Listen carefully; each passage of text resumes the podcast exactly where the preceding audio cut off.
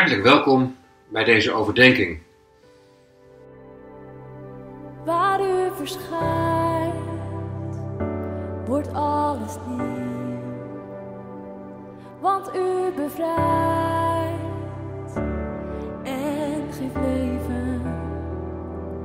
Elke storm verstilt door de klank van uw stem. Alles buigt voor koning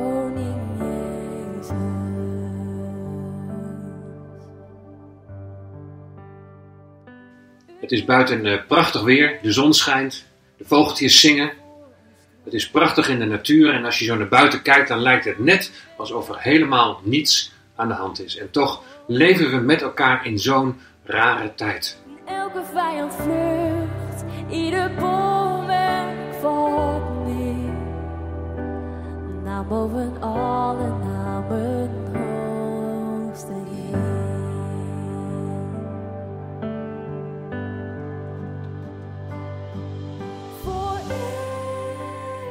Nog een paar dagen, dan is het Goede Vrijdag en Pasen. En de week daaraan voorafgaand, die wordt ook wel de Stille Week genoemd. De laatste week van de 40 dagen tijd, van de vastentijd. De laatste dagen zo toelevend naar Goede Vrijdag en Pasen. Nou vindt zo'n 40 dagen tijd of Stille Week, bidden en vasten, die daar dan aan gekoppeld zijn, vindt geen grond in de Bijbel. Maar wat is het goed om zo in voorbereiding op Goede Vrijdag, als we samen gedenken de weg die de Heer Jezus is gegaan, dat Hij zijn leven heeft afgelegd om ons te redden, om onze zonde te vergeven, om dan een aantal dagen van, van stilte te hebben, een dagen van, van verootmoediging, van de Heere zoeken. Wat is het goed om dat ook met elkaar als gemeente te doen? En jullie hebben allemaal een eh, brief ontvangen, die zat als bijlage bij de mededelingen. En daarin hebben we opgeroepen om deze dagen, woensdag, donderdag en vrijdag, te bidden en te vasten. En het onderwerp waarvoor we vasten is geestelijke herleving. En ik denk, tenminste als het goed is, dat we allemaal verlangen naar een diepere, intense relatie met de Heer Jezus Christus. Dat we allemaal ten diepste dat verlangen hebben om Hem te volgen, om Hem te dienen. En dan is het goed om momenten te hebben van bezinning. Hoe staat het met mijn relatie met God? In hoeverre leef ik echt in afhankelijkheid van de Heilige Geest? In hoeverre ben ik in mijn leven, zowel in mijn spreken, maar ook in mijn doen en laten, een getuige van de Heer Jezus Christus? Een moment van bezinning. Een moment van stilte. En we zijn even stilgezet. Mensen kunnen niet naar het werk, kinderen kunnen niet naar school. Natuurlijk, de dingen moeten thuis wel gebeuren. En misschien is het dan wel moeite om juist op een moment als deze een stuk van rust en stilte te vinden. Maar ik hoop dat er toch momenten op de dag zullen zijn dat je je even terug kunt trekken. Misschien zo even de beurten. Maar toch even een moment alleen met de Heer te zijn. Te bidden, je Bijbel te lezen, Hem te laten spreken, je hart voor Hem open te stellen. Heb je dat verlangen? En ga je daarin meedoen? Kijk, vasten, dat betekent dat je niet eet. Als je heel veel eet, dan merk je wel dat je op een gegeven moment loom wordt en dat je, dat je vermoeid raakt. Niet eten betekent je niet daardoor laten afleiden. Betekent vol geconcentreerd zijn op je gebed. Vol geconcentreerd zijn op je relatie met God. Vol geconcentreerd zijn om, om van Hem te ontvangen, zodat Hij tot je kan spreken. En je kunt van meer dingen vasten dan alleen het eten. Want misschien is dat voor jou wel heel moeilijk gezien je lichamelijke omstandigheden. Dan moet je daar ook voorzichtig mee zijn. Maar je zou ook kunnen vasten bijvoorbeeld van je mobiel. Dat je zo in beslag kunt nemen dat je voortdurend moet kijken van, komen er nog berichtjes binnen? Is er nog mail? Is er nog dit? Is er nog dat? Of dat je gewoon zegt, deze dag even niet het nieuws aan. Of op één moment van de dag. Niet voortdurend weer die herhaling van hoeveel mensen zijn er opgenomen. Hoeveel mensen zijn er overleden. Hoeveel mensen zijn er op de IC gekomen. Kunnen ze het nog wel aan? Het kan je allemaal zo in beslag nemen. Zoals we in ons dagelijks leven door zoveel dingen in beslag kunnen genomen kunnen worden, die ons allemaal afleiden van onze relatie met God. Een stille week. Ik hoop dat het voor jou in dit opzicht echt een stille week mag zijn, in die zin dat je Gods stem zult verstaan. Door het bidden, door het lezen van zijn woord. En, en misschien dat je daar ook gezamenlijk een weg in kunt vinden. Samen het aangezicht van God zoeken, Hem aanroepen.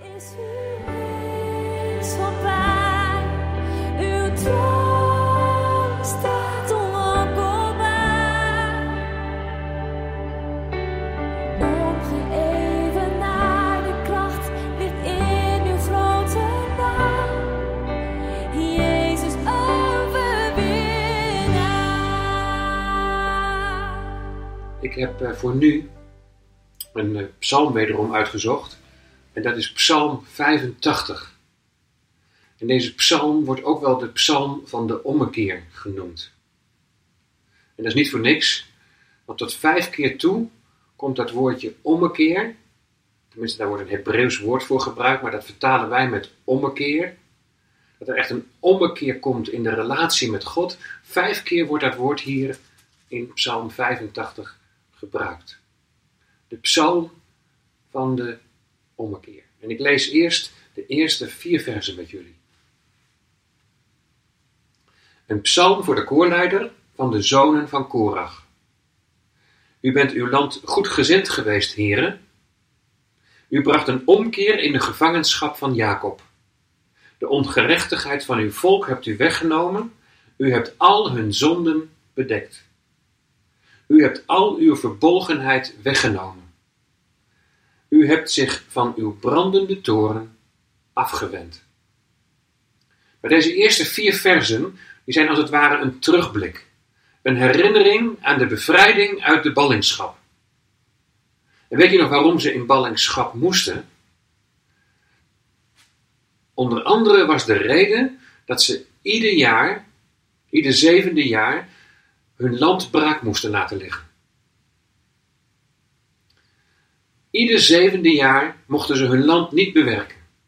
En God had de belofte gegeven dat Hij zou voorzien. Maar dat hebben ze verzuimd. verzuimd. En ieder zevende jaar dat ze het land niet braak hebben laten liggen, moesten ze een jaar in ballingschap.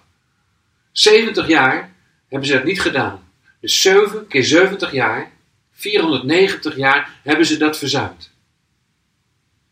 En dan grijpt God in.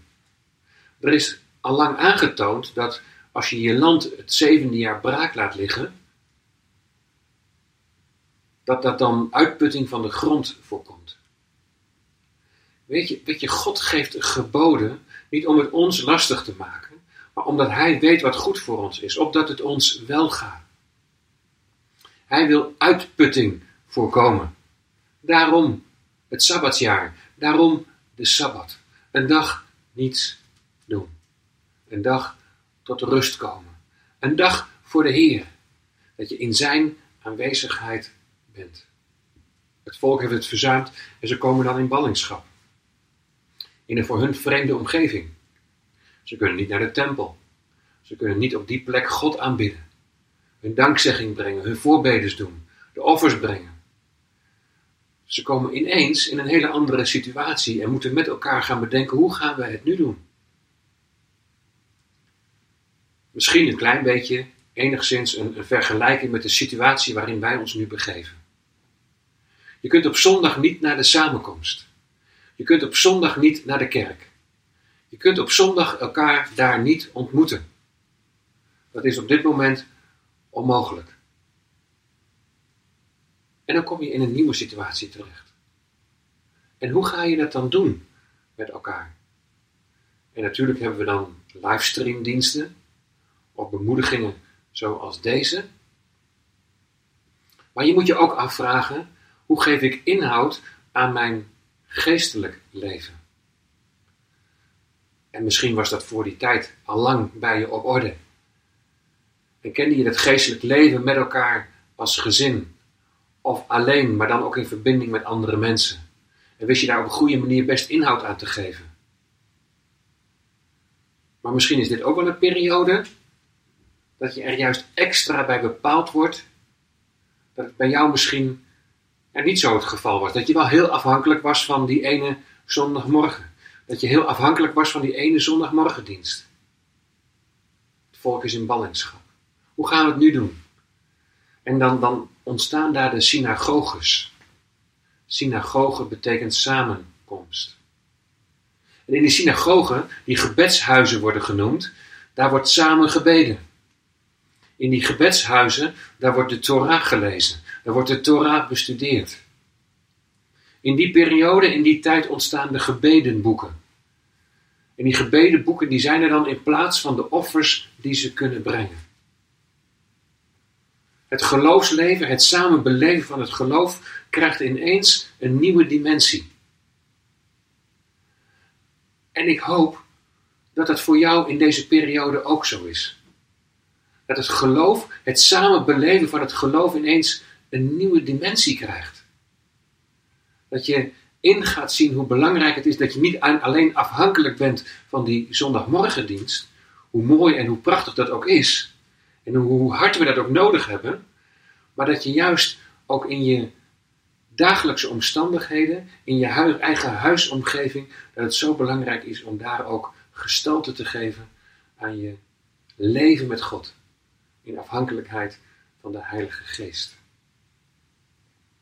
God is het land goedgezind geweest. Hij heeft een omkeer gebracht in de gevangenschap van Jacob. Hij heeft ze bevrijd uit de ballingschap. Maar dan is het natuurlijk de vraag, als ze terugkeren, ja, hoe gaat het dan? Als we weer in de oude situatie terechtkomen, als wij straks de crisis voorbij zijn en alles krijgt zo weer zijn normale loop, en je gaat gewoon weer aan het werk en de kinderen gaan weer naar school, en iedereen is weer druk, druk, druk met allerlei bezigheden, welke plaats heeft dan nog dat geestelijk leven waar je nu misschien wel juist bij bepaald bent? Hoe ging dat bij het volk? Ze gingen terug en ze begonnen vol enthousiasme aan de herbouw van de tempel. Je kunt het allemaal lezen in het Bijbelboek Ezra. Maar dan komt er een moment dat ze tegenstand krijgen. En dat kan met beeld zo, zomaar zijn. Ik heb in de preken al wat dingen geschetst van ja, welke tijd ons te wachten kan staan. De afval neemt toe. De liefdeloosheid neemt toe. De wetteloosheid neemt toe. En ook het verdragen van de christenen. Ik vraag me af in hoeverre ja, daar nog echt sprake van zal zijn. In wat voor tijd belanden we straks? Misschien worden we ook wel heel snel ontmoedigd, net zoals het volk dat de opdracht had gekregen om de tempel te herbouwen. En wat gebeurt er bij het volk? Ze leggen het werk neer. Ze stoppen ermee. En Ezra en Haggai, de profeet, die, uh, die daar rondloopt, die begint te profeteren. En die zegt, wacht eens eventjes, wat gebeurt er nu? De tempel, daar wordt niet aan gebouwd, maar jullie zijn wel bezig met jullie eigen weldoortimmerde huizen. Jullie zijn wel bezig met je eigen welvaart, met je eigen ik, met je eigen omstandigheden. En hij roept op om de tempel te gaan herbouwen. Dit is de situatie waar het volk zich in bevindt. En dan lezen we vanaf vers 5.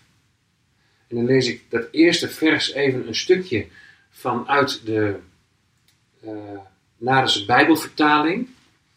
Omdat dan dat omkeren veel duidelijker naar voren komt. Want in de herziende statenvertaling, daar lezen we, breng ons terug. Maar letterlijk staat er, keer het ook nu. Hier keer het ook nu. U hebt ons bevrijd uit die ballingschap. Eigenlijk brengen we er nu helemaal niks van terecht. U hebt toen de oplossing gebracht. U hebt ons bevrijd.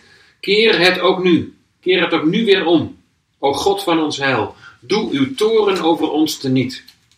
Zult u voor eeuwig toornig op ons zijn? Uw toren laten duren van generatie op generatie? En dan lees ik weer vanuit de Nadense Bijbelvertaling vers 7, omdat weer dat terugkeren, dat omkeren daar veel duidelijker naar voren komt. U wilt niet terugkeren, ons weer levend maken, zodat uw volk zich in u verblijdt. Toon ons uw goede tierenheid, o Heere. Geef ons uw heil. Het is een roep tot God. Er is een besef gekomen van, we zijn eigenlijk weer in dezelfde situatie teruggekomen als voor de crisis, als voor de ballingschap. O Heere, wilt u alstublieft niet terugkeren? Maak ons levend. Doe ons geestelijk herleven, zodat uw volk zich verblijdt. Het volk verblijdt zich niet als het alleen maar met zichzelf bezig is. Het geeft ons geen blijdschap en het geeft ons niet voldoening om alleen maar bezig te zijn met onze eigen welbetimmerde huizen. Het is zo belangrijk dat aan de tempel wordt gebouwd. En jij bent een tempel van de Heilige Geest. Wij zijn als gemeente een tempel van de Heilige Geest. En wat is het dan belangrijk dat die tempel wordt gebouwd? Dat wij worden opgebouwd in ons geloof. Dat we worden opgebouwd in ons geestelijk leven, in onze relatie met de Heer Jezus Christus. Dat wij werkelijk leven in afhankelijkheid van de Heilige Geest. Dat we leren om in Gods weg te wandelen. Dat we leren om Zijn stem te verstaan. O, dat ook deze periode van bidden en vasten je echt mag helpen om in de, in de rust en de stilte te komen en daarin Gods stem te verstaan. Wat wil Hij tot jou spreken? Wat wil Hij tot jou zeggen? Lees daarin Zijn woord. En dit is een levend woord. Een levend, krachtig, tweesnijdend zwaard. Dat in je ziel wil doordringen. Dat je wil aanraken.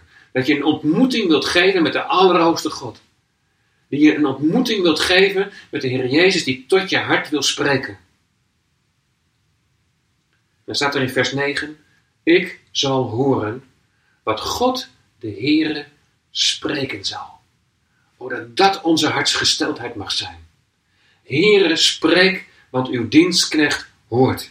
Ik zal horen wat God de Heere spreken zal, want hij zal tot zijn volk en tot zijn gunstelingen van vrede spreken. Maar laten ze niet tot dwaasheid terugkeren. Niet weer terugkeren naar die oude situatie. Dat je misschien alleen afhankelijk bent van die zondagmorgendienst. Dat je alleen afhankelijk bent van die viering. En dat je daar de hele week weer mee moet doen. Maar dat die viering op zondagmorgen ook straks weer een hoogtepunt in de week mag zijn. En dat het een hoogtepunt mag zijn als gevolg van wat je in die week met de Heere God hebt mogen beleven. Wat je van Hem hebt mogen verstaan. Wat je van Hem hebt mogen zien. Door Zijn woord en door Zijn geest. Ik wens jullie een hele bijzondere stille tijd toe. Een bijzondere stille week. Zo in de aanloop naar Goede Vrijdag. Dat in die stilte ook dat besef van wat de Heer Jezus voor jou heeft gedaan. En wie Hij voor jou wil zijn dat dat dieper en dieper en dieper mag doordringen. Zullen we samen bidden?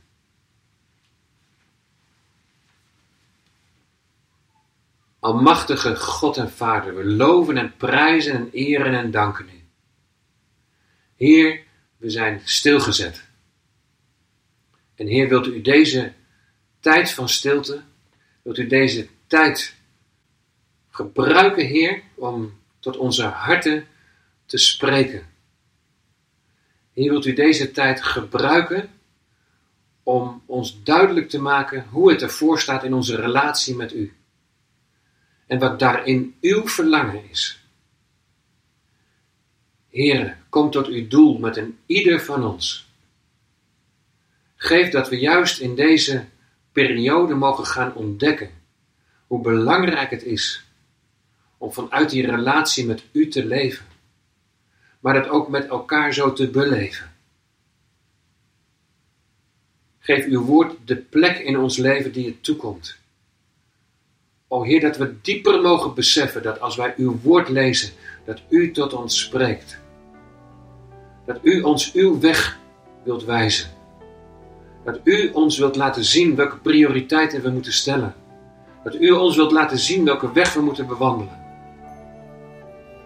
Heer, werk zo door de kracht van uw Heilige Geest in onze harten.